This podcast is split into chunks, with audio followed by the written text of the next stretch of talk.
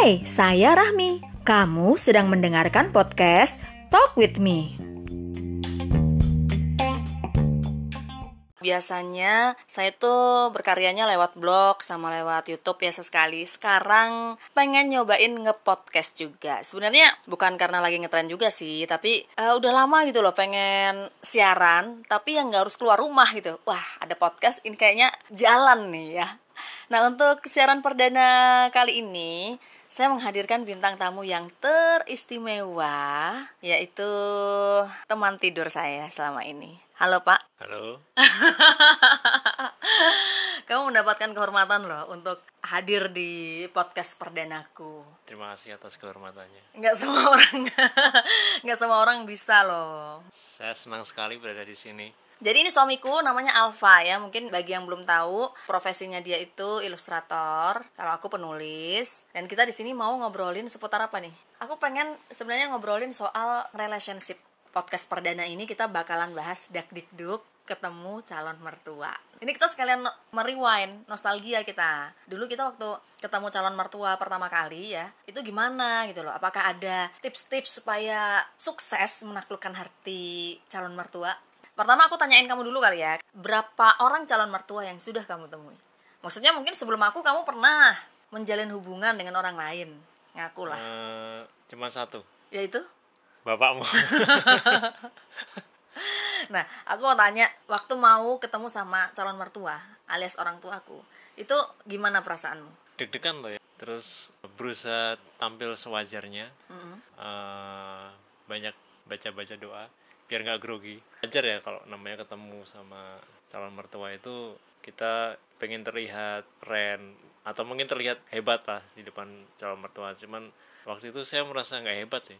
Jadi ya berusaha tampil apa adanya lah. Yang penting sopan. Apa yang paling kamu takutkan? Mungkin maksudnya aku takut kalau orang tua calonku ini bertanya ini. Aku takut jawabannya nanti akan tidak memuaskan. Apa sih pertanyaan? Ada nggak pertanyaan yang paling kamu takutkan paling takut itu kalau ditanya kerjaan. Kenapa? Apakah dirimu dulu pengangguran? Jadi takutnya karena kalau misalkan oh ternyata pekerjaannya bukan PNS uh, pasti di, akan ditolak nih.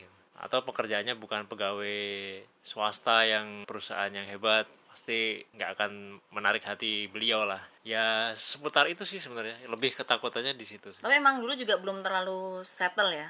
Pendapatannya juga masih nggak menentu gitu kan Iya, dulu kan sebagai ilustrator kan ya namanya freelance ya pasti pendapatan income juga nggak stabil naik Terus, turun. akhirnya ketika ketemu gimana?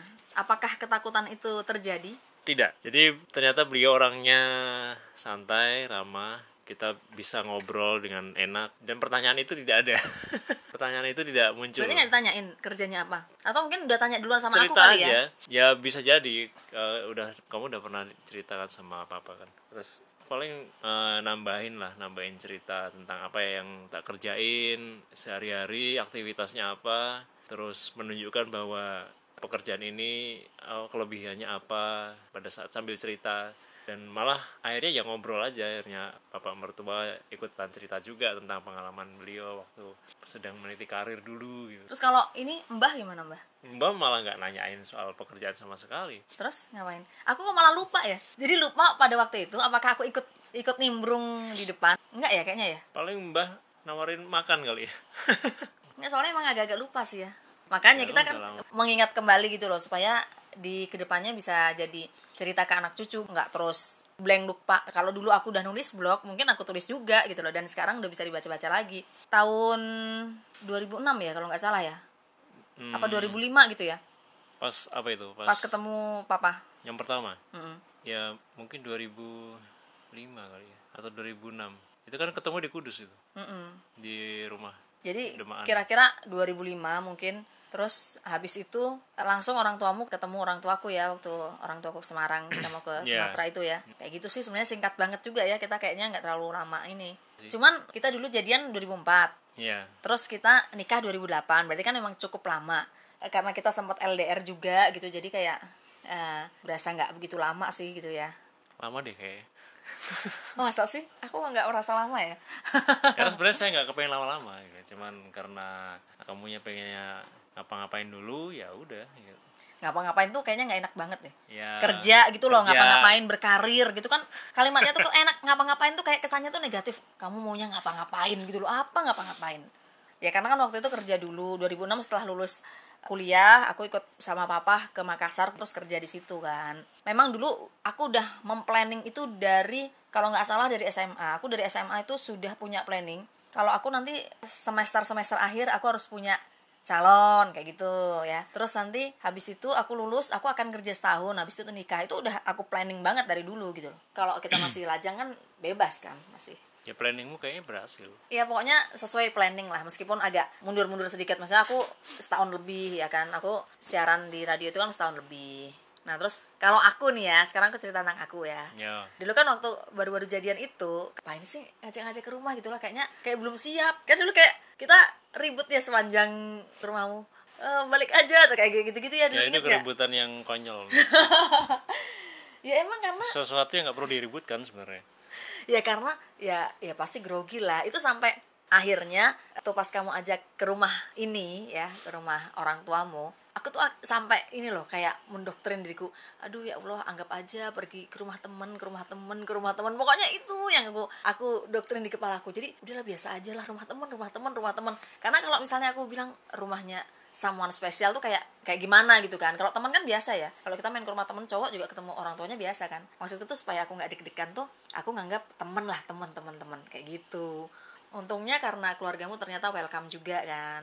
Terus ya uh, begitu pertama kali aku datang juga aku merasa ya ada kesamaan. Uh, kita punya kesamaan latar belakang keluarga gitu loh. Jadi aku pikir uh, ada kemiripan lah gitu. Loh kalau keluarga kayaknya udah udah nggak ada masalah pada waktu itu. Tapi memang ketakutan orang itu ya kalau serius sama orang mau berumah tangga itu kan pasti ketakutan nomor satu juga keluarganya bagaimana nih gitu. Ya kan? Terutama Ya. mertua kan. Ya makanya harus ketemu kan.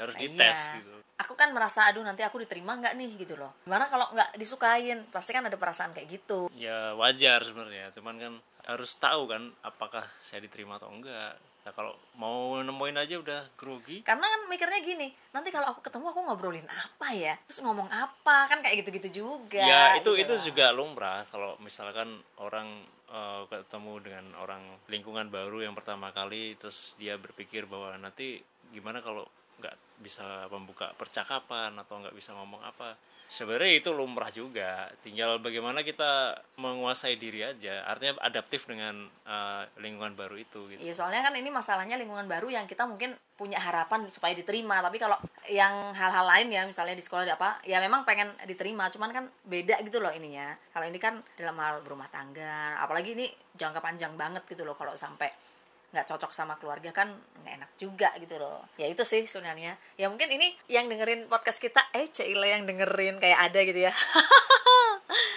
Jadi yang kebetulan tersesat barangkali mungkin punya kegalauan yang sama seperti kita dulu. Gimana nih mau ketemu uh, calon mertua deg-degan? Kalau kamu punya nggak tipsnya? Maksudnya setelah kamu melewati semua ini ya harusnya begini aja ya. Kenapa kok dulu aku deg-degan? gitu nothing tulus saja pada saat ketemu dengan calon mertua. Kita juga nggak tahu responnya beliau seperti apa. Kita mungkin pernah dengar cerita-cerita dari calon pasangan kita tentang bapaknya seperti apa. Ya udah namanya ketemu orang tua ya tunjukkanlah sopan santun ya dan penampilan rapi kayak gitulah ya. Terus mungkin membawa buah tangan juga penting kali ya. Ya itu bisa jadi nilai plus. Terutama untuk yang laki gitu ya terus juga kalau misalnya mungkin mau PDKT ke keluarga pasangan bisa dengan mendekati saudara-saudaranya gitu kan. Kita dulu suka nonton bareng Fikri ya bareng adiknya dia yang bungsu. Oh iya. Pernah nonton makan bareng sama adiknya lagi yang lain kayak gitu loh. Tapi dulu kan terus jadi sopirnya papa juga sama berapa bulan. Tambahan tips buat kalian bisa jadi sopir harian itu akan menjadi semakin men- mengenali calon mertua eh, calon bapak mertua lah. Jadi sepanjang perjalanan di dalam mobil pasti akan banyak cerita tukar pikiran jadi semakin tahu karakternya eh, dan jadi mungkin- ngelamar aja jadi sopir kayak gitu. Ntar jadinya FTV sopirku adalah kekasihku. Ya makanya kan FTV itu mungkin diambil dari kisah-kisah nyata yang agak dilebihkan sedikit. Ya jadi emang waktu itu sih kebetulan papa dipindahkan dari Makassar ke Semarang. Dapat mobil dinas cuman nggak tahu siapa nih yang nyupir gitu. Dan waktu itu sebenarnya aku agak-agak gini loh alah janganlah jangan si Alfa yang nyupir. Sebenarnya aku gitu. Soalnya aku takut dulu kan aku juga jadi kayak nggak begitu yakin ya setelah kita LDR tuh kayak ntar aku beneran jadi sama dia nggak ya? Gitu loh. Aku nggak menyarankan loh sebenarnya sama papa. Kayak enak lah aku mau putus mungkin saya berhasil mengambil hatinya beliau ketika pertemuan beberapa kali yang sangat sedikit waktunya. Atau nggak tahu mungkin atau saya sekedar beruntung aja. Karena nggak ada orang lain gitu ya. Karena nggak ada orang lain. Jadi kayaknya papa harus diinvestigasi kalau masih inget kira-kira papa dulu kenapa sih pak kok memilih Alfa untuk nyupirin mobil? Kayak gitu. Oh biar nggak bayar sopir pak. Oh ternyata jadi gitu lah. kan pakai ini. Papa suka beliin makanan suka traktir ya kan makan makan sekalian. Masa papa makan kamu nggak diajak makan sih? Jadi begitulah teman-temanku yang masih galau mau bertemu dengan calon mertua ya. Ya bener sih noting tulus aja. Karena kita mau bagaimanapun juga pasti akan bertemu kan? Kita mempersiapkan diri kita sebaik mungkin. Kita apa namanya tunjukkan bahwa kita tuh percaya diri karena kita kan pasti punya kelebihan lah itu pasti gitu loh. Setiap orang pasti punya kelebihan. Makanya aku bilang orang itu harus mengenali kelebihan dia. Nggak cuman mengenali kekurangannya. Karena kita kan kadang-kadang dulu kelebihan diri sendiri maksudnya? Ya kelebihan diri sendiri. Kita harus mengenali. Karena dengan mengenali kelebihan diri sendiri itu yang menumbuhkan kepercayaan diri. Aku dulu sempat krisis PD juga karena aku nggak mengenali kelebihanku apa. Aku dulu merasa aduh aku nggak punya kelebihan sama sekali nih. Apa yang mau aku banggakan? gitu loh. Nanti aku diterima nggak nih oh aku kayak begini pelajaran nggak pinter-pinter amat ini nggak ini. Kayak gitu sih. Aku baru mengenali potensiku sendiri itu udah mungkin bisa dibilang terlambat ya tapi ya nggak apa-apa sih daripada nggak menemukan sama sekali. Ya begitulah. Jadi untuk podcast yang perdana ini cukup sekian dulu. Nanti kita akan membahas hal-hal lain lagi ya. Insya Allah ya udah sampai jumpa lagi. Bye bye